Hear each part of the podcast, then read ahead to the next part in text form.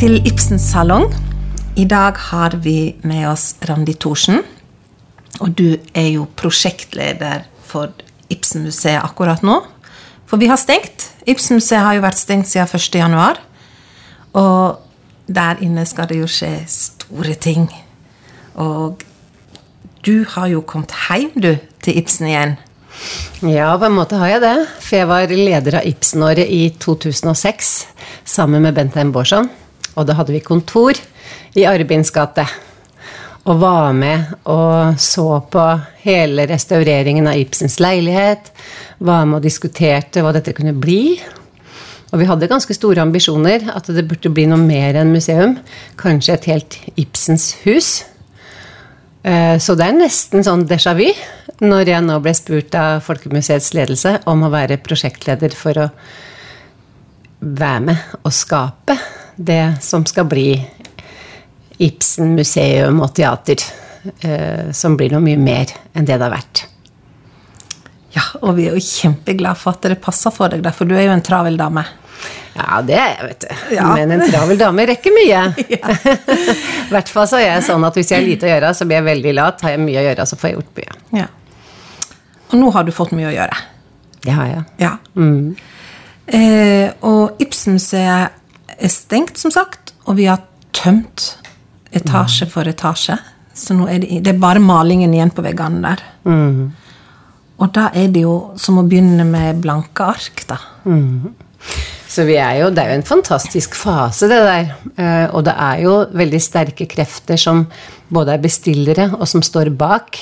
Det er jo Kulturdepartementet som har bestilt dette, og gjort sin bestilling til Norsk Folkemuseum, som da er på en måte eh, Ja paraplyen hvor Ibsen-museet eh, ligger innunder. Og så har Nationaltheatret fått en, eh, et mandat også på å være med å tenke eh, og sikre kvalitet i teaterdelen. Eh, og så, for å få det her til, så samarbeider jo jeg som sånn koordinator først veldig godt med utbygger. Det er jo Christian Ringnes som eier bygget, og som skal bygge ut Eh, det nye teatret og ruste opp store deler av bygningen for øvrig. Eh, og så har jeg da fått med meg deg, kjære Wergeljat, som eh, den som virkelig kan Ibsen-museet, og som er formidlingsansvarlig. Og så har vi engasjert en veldig dyktig teaterdame som heter Ingrid Fortun, som tidligere har vært teatersjef på Kilden teater, som er med som en teaterfaglig konsulent Sånn at vi tre damene, Ibsens kvinner, vi er trekløver som nå eh, har eh, det fantastiske mandatet å prøve å skape en himmel over den visjonen og løfte Ibsen-formidlingen i Oslo, Norges hovedstad, opp på et nivå hvor Ibsen fortjener å være. Og det er voldsomt. Ja, det er det. Men det er gøy. Det er en fantastisk reise. Ja. Og jeg tenker at vi, vi, er vel Vi tenker vel litt større enn Oslo. Å ja. oh, ja. Men det ligger nå der. Ja. ja. Å ja, kjære vene. Hvis vi skal, skal vi si litt om hva vi har tenkt? Ja. Eh, det vi, eh, som er viktig å si, er at det, det, å tenke og det å være koordinator, det er veldig fint, for da kan du snakke med alle de flinke folka. Du skal jo ikke finne på alt sjøl. Og det gjør vi, vet du. Så nå har vi, før påske var vi en tur til England og lot oss inspirere av hva man gjør med Shakespeare i London. Um, og noe tenkte vi at var veldig nyttig for oss å ta med videre. Og noe tenkte vi at nei, det kan vi gjøre bedre sjøl. Eh, og det er spennende. Og så snakker vi jo med uh, dyktige fagfolk innenfor alle uh, områder og samarbeidspartnere, sånn at dette her blir noe vi skal forankre og få gode innspill fra, fra mange. Men eh, vi har jo begynt å tenke. Og det er litt ambisiøst, eh, så det blir spennende. Vi skal jo i departementet avstemme om vi tenker slik departementet ønsker. Eh, så det blir spennende. Jeg skal legge frem for styret det vi har tenkt. Men vi kan jo røpe litt av det vi har tenkt, og det er jo at um, museet skal jo få en ny utstillingsdel. Og det ligger i bestillinga fra departementet. Og der har du Bergljot, begynt å gjøre en skikkelig grunnleggende jobb på hvordan, hva, hva skal det, dette, denne utstillingen bli. Og det vi har fått av signal, er at den skal reflektere mer teaterhistorie, teatermannen Ibsen. Og det blir jo veldig naturlig når vi får en scene. Så publikum, når vi åpner igjen, eh, forhåpentligvis i 21, eh, skal eh, møte dramatikeren Ibsen i enda tydeligere på alle måter. Og så er det en intensjonsavtale med Nationaltheatret om at de skal levere to fullskalaproduksjoner minimum hvert år. En stor produksjon på våren og en på høsten. Det er helt fantastisk. Det er fantastisk. Ja, det er det, altså. Og det sikrer jo kvaliteten. Og det er jo Ibsen sitt teater. Det er det. Ja. Og Ingrid, som er vår teaterdame, hun sier jo at eh, Ibsen skrev jo for kammerspill, og denne scenen vi skal lage der, eh, i bakgården i Arbyns gate, den blir jo ikke veldig stor, men den blir veldig fin. Uh, og den vil jo være perfekt for kammerspill, det som egentlig Ibsen skrev for. da.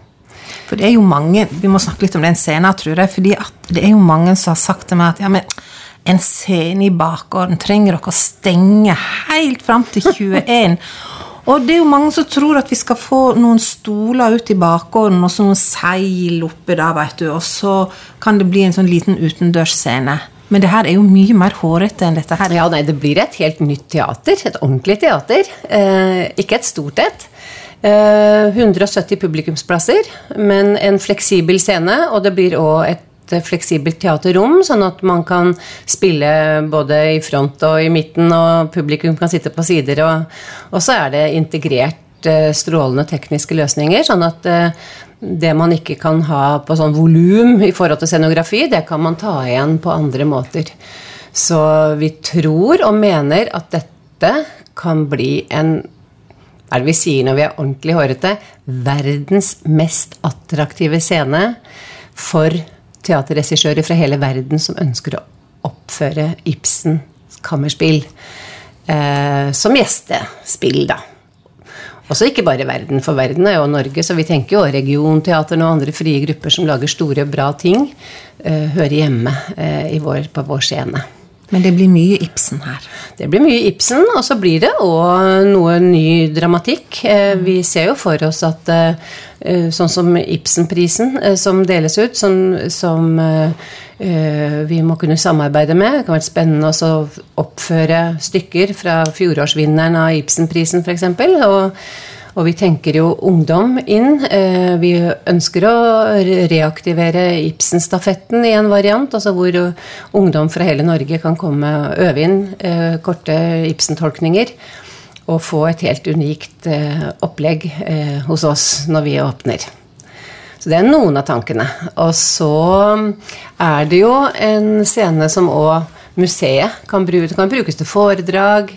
Eh, kan brukes til spesielle målgrupper, sånn som museet har god erfaring på. Både kulturell skolesekk og kanskje spaserstokk. Og det er jo et spennende prosjekt med mennesker som har demens. Så vi ser jo for oss at den scenen skal kunne ha eh, en flerbruksfunksjon, men primært teater, og primært teater som er ferdig produsert andre steder og kommer til oss som gjestespill, for vi har ikke fasiliteter til å, og heller ikke økonomi, egentlig, til å kunne være de som lager teater fra scratch. Derfor er det samarbeidet med Nationaltheatret gull verdt, og de er jo kjempepositive.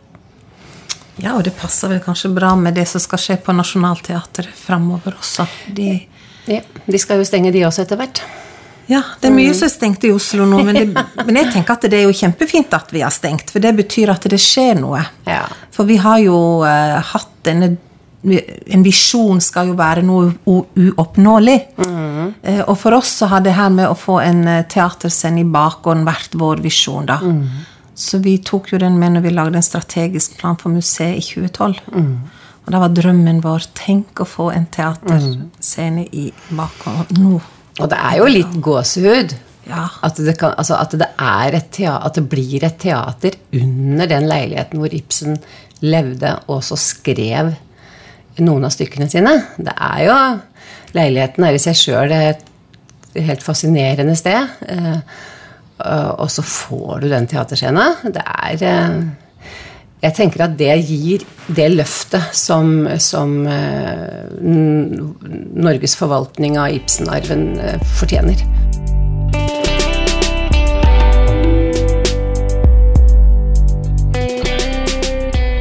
Du spurte litt om om det var liksom omfattende at det måtte stenge, men det blir jo ikke ba altså det skal jo graves ut under, og det skal lages nye løsninger for publikum og toaletter, og det skal rustes litt opp, og det blir heis helt opp til femte etasje, og nå har vi gått trapper, og det har jo gjort det litt vanskelig å bruke flotte lokaler i femte etasje.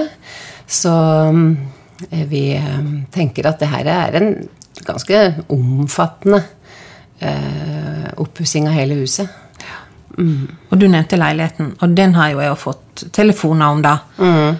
Og er leiligheten borte, og hva har dere gjort? Ikke sant? Men eh, det kan vi jo berolige alle som eh, er interessert i leiligheten, at den blir jo, og den blir jo faktisk eh, ferdigstilt nå. Vi har jo vært litt etter med kjøkkenet og mm. pikeværelset, men nå skal jo alt være på stell når vi åpner opp igjen. og og Ibsens leilighet er jo diamanten vår. da. Hadde ikke vi hatt den, så hadde det jo ikke vært noe av det andre vi sitter og mm. planlegger heller. Så vi kan berolige alle med at Ibsens leilighet den vil eh, være der. Alle gjenstandene er forsvarlig pakket ned og lagret, og leiligheten er plombert så den ikke skal støve ned, og vi passer på alt. Som kanskje lytterne hører her, så er det noen andre lyder rundt oss her i dag. og det er for at vi sitter på Norsk Folkemuseum, og her skjer det også veldig mye. Her eh, jobbes det med en utstilling som heter Tidsrom, som skal åpnes til neste år. Så det sages utvendig, og det bankes i veggene, hører vi. Men eh, det er tegn på at ting skjer. Så dere kan ja. Mm. Og det er en fantastisk flott eh, utstilling som jeg har vært så heldig å ha fått sett litt av allerede, så den kan dere bare glede dere til. Så 2020, det blir det store året i Oslo. Det gjør det. Og så kommer vi i 2021 og sørger for at det ikke blir nedtur. Det blir ikke nedtur. Nei. Nei det bare eskalerer.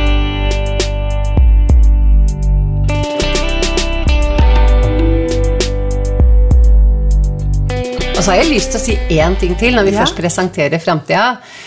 Eh, det er to ting til jeg har lyst til å si. Det ene er at eh, det vi får til, det vi har satt oss som mål at vi i hvert fall skal få til eh, på det nye Ibsen museum og teater, det er at Norges hovedstad Oslo kan presentere Ibsen-teater hele sommeren.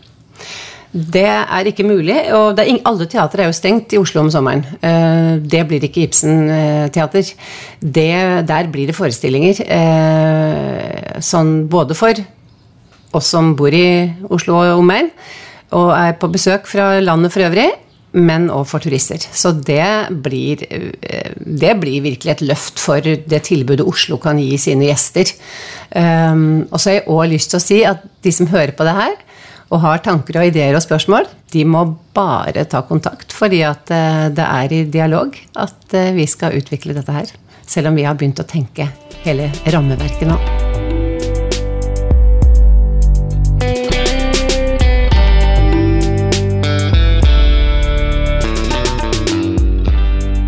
Det er i hvert fall utrolig givende å få være med på dette arbeidet her. Eh, og av og til så kan det virke som det er veldig stort. For det det er veldig mange som er opptatt av Ibsen.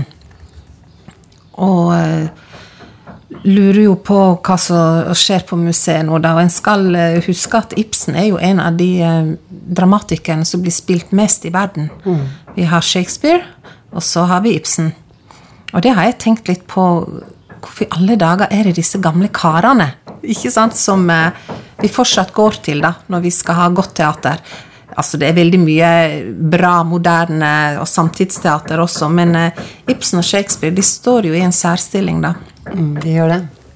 Og Ibsen var jo den som stilte spørsmålet. Og jeg tenker at um, han De spørsmåla står seg, vet du. Det er bare at svarene er for litt forskjellige ettersom hvilken tid vi lever i. Men han, han har jo stilt veldig mange vesentlige spørsmål som både handler om på en måte individets frihet og ansvar og eh, valg, men, men, men framfor alt kanskje sånn mm, viktige mellommenneskelige eh, forhold og, og, avveininger.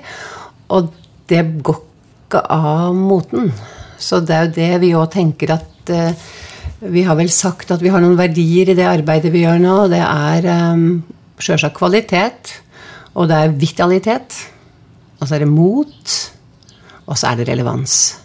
Og det er ikke så veldig vanskelig å lage og framføre og framstille Ibsen som en relevant eh, dikter. Det er derfor han er så stor. Og at han er stor til ulike land og kulturer til ulike tider. Fordi at vi holder nå på med disse tinga i livene våre. Sigrid Undset sa jo at menneskenes hjerter forandrer seg aldeles intet til alle tider. Og det er jo noe med det med Ibsen også. At eh, folk er folk, om de levde under helt andre forhold, eller lever under helt andre forhold. Og det er han en mester i. Så derfor fortjener han eh, større plass og større ressurser enn det han har blitt tilgodesett med i de siste åra. Men du har vel hatt noen eh, Ibsen-opplevelser er Oh, yes. du kan trekke fram der? Mm, det er mange, vet du. Men jeg kan ta tre, de topp tre, da. Skal jeg det? Veldig Ja. kort. Jeg må jo kanskje starte med den muligheten vi fikk i Ibsen-året med å framføre Per Gynt foran Svingsen og pyramiden i Egypt. Ja, Kan du si litt? Hvordan kom det til? Kjære fred, nei, det er denne vanvittige hjernen til Bentheim Borsson. Ibsen, alle Ibsens stykker, selv om han skrev de i, veldig ofte i utlandet, og så liksom kanskje klarere eh, livet og Norge fra utsida, så, så var det ett stykke han ikke skrev. Og all, men uansett om han skrev det i utlandet, så handla det om Norge og norske forhold, med ett unntak. Og det var eh, Per Gynt. Hvor han lot Per Gynt komme til eh, foran Svingsen til Egypt, blant annet. Og det inspirerte herr Bårdsson. Og det var jo en vanvittig runde for å få tillatelse, men altså etter lange tider så fikk vi altså carte blanche til å framføre Innta hele det området foran pyramidene. Vi overtok på en måte ansvaret. Og det hadde vel jeg tenkte aldri skjedd i Norge. Tenk om noen fra Egypt skulle komme til Norsk Folkemuseum. Kan vi ta over liksom arenaen deres? Vi har lyst til å lage en uh, ikonisk oppsetning. Det hadde ikke vært mulig, men vi fikk altså lov. Og det ble en opplevelse som, som jeg aldri kommer til å glemme, på alle nivå. Um, fra vi begynte å tenke det, og til det faktisk ble gjennomført. Som avslutning av Ibsen-året i 2006 eh, i samarbeid med operaen i, i eh, Kairo og eh, Kjære fred. Jeg husker, altså jeg hadde jo sånne pragmatiske roller og må liksom ha litt ansvar for, eh, for alt rundt. Så liksom den derre regnskapet, liksom det leie av 40 kameler og fire hvite arabere og sånn, det det var fantastisk. Og så eh, må jeg jo si at jeg har vært på Per Gynt Jeg jo, har bodd i Gudbrandsdalen i mange år. Og Per Gynt ved Gålåvatnet. Um, både den aller første opplevelsen av det, uh, men også noen av de andre oppsetningene hvor den derre store, store naturen møter det store dramaet. Eh, og jeg må nok si at selv om jeg ikke veldig Jeg, jeg syns at Griegs musikk der jeg, altså Der tåler jeg å være nasjonalromantisk, altså. Der kan jeg ta full pakke. For det der liksom skal så mye til å fylle det rommet som du sitter og skuer utover. At når de hadde fullt symfoniorkester da, da Det var så gåsehud. At, eh, og første gangen når det der flyet kom inn etter pause og over huet på deg, og du trodde du skulle mista pusten, det, det, det er en sånn Ibsen-opplevelse. Og så hadde jeg en helt motsatt og moderne en. Eh, det var vel kanskje i 2005 under Ibsenfestivalen. I hvert fall i oppkjøringa til Ibsenåret. Da var det en katalansk oppsetning av Per Gynt på Nasjonal. Som hadde eh, framskrevet Per Gynt liksom, til vår tid. Um, og jeg husker to scener derfra som ryster meg, og som får liksom, teater til å bli uh, uovertruffent. Og det var uh, Dårekisten som jeg på en måte syns er litt sånn fjernt noen ganger når jeg ser det. Jeg kjenner, og, troll og jeg liksom, er ikke så veldig redd. Men det var i et ganske sånn speisa miljø, men sånn sadoboff. Og det var så ubehagelig at jeg, for første gang så kjente jeg den frykten som, som på en måte Per Gynt kjenner på, eller Ibsen prøver å beskrive. Altså Jeg kjente det ubehaget så sterkt. Eh, og så var det Solveig, som var en liten punkedame, som spilte, i, eh, spilte trommer i band. Og når pausen kom, så var det akkurat når Per løp fra Solveig etter at hun hadde kommet til han i Når han, var, han er bortvist. Og så avviser han henne, og så løper han sin vei, og så blir hun stående på scenen. Og så står hun og står hun og står hun. Og, og folk begynner å gå ut til pause. Og så får jeg den opplevelsen at nå må jeg gjøre som Per Gynt. Nå må jeg gå fra Solveig. Oi. Og det var òg sånn at eh, det, det glemmer jeg ikke. Og da tenker jeg at får vi til sånne teateropplevelser, eller sånne formidlingsgrep, som gjør at folk føler på de valga. Føler på de um, Ja, de valga du tar som menneske via Ibsen. Da, da, blir det bra. Da blir det bra. Ja. Det som var veldig morsomt nå, var at det var tre ganger Per Gynt. Mm. Det var det. Det var det. Det var det. Og det var litt tilfeldig, men det er kanskje Ja, det var det. Sånn var det. Men jeg kunne sikkert ha sagt mange ting om både villander og gjengangere og dukkehjemmet òg. Eh, men det var nå Per Gynt endte med her. Veldig hyggelig å ha deg her, Randi. Og da håper jeg at alle gleder seg like mye som oss til det nye teatret og det nye museet. Og så skal vi ønske alle velkommen høsten 2021. Takk for nå.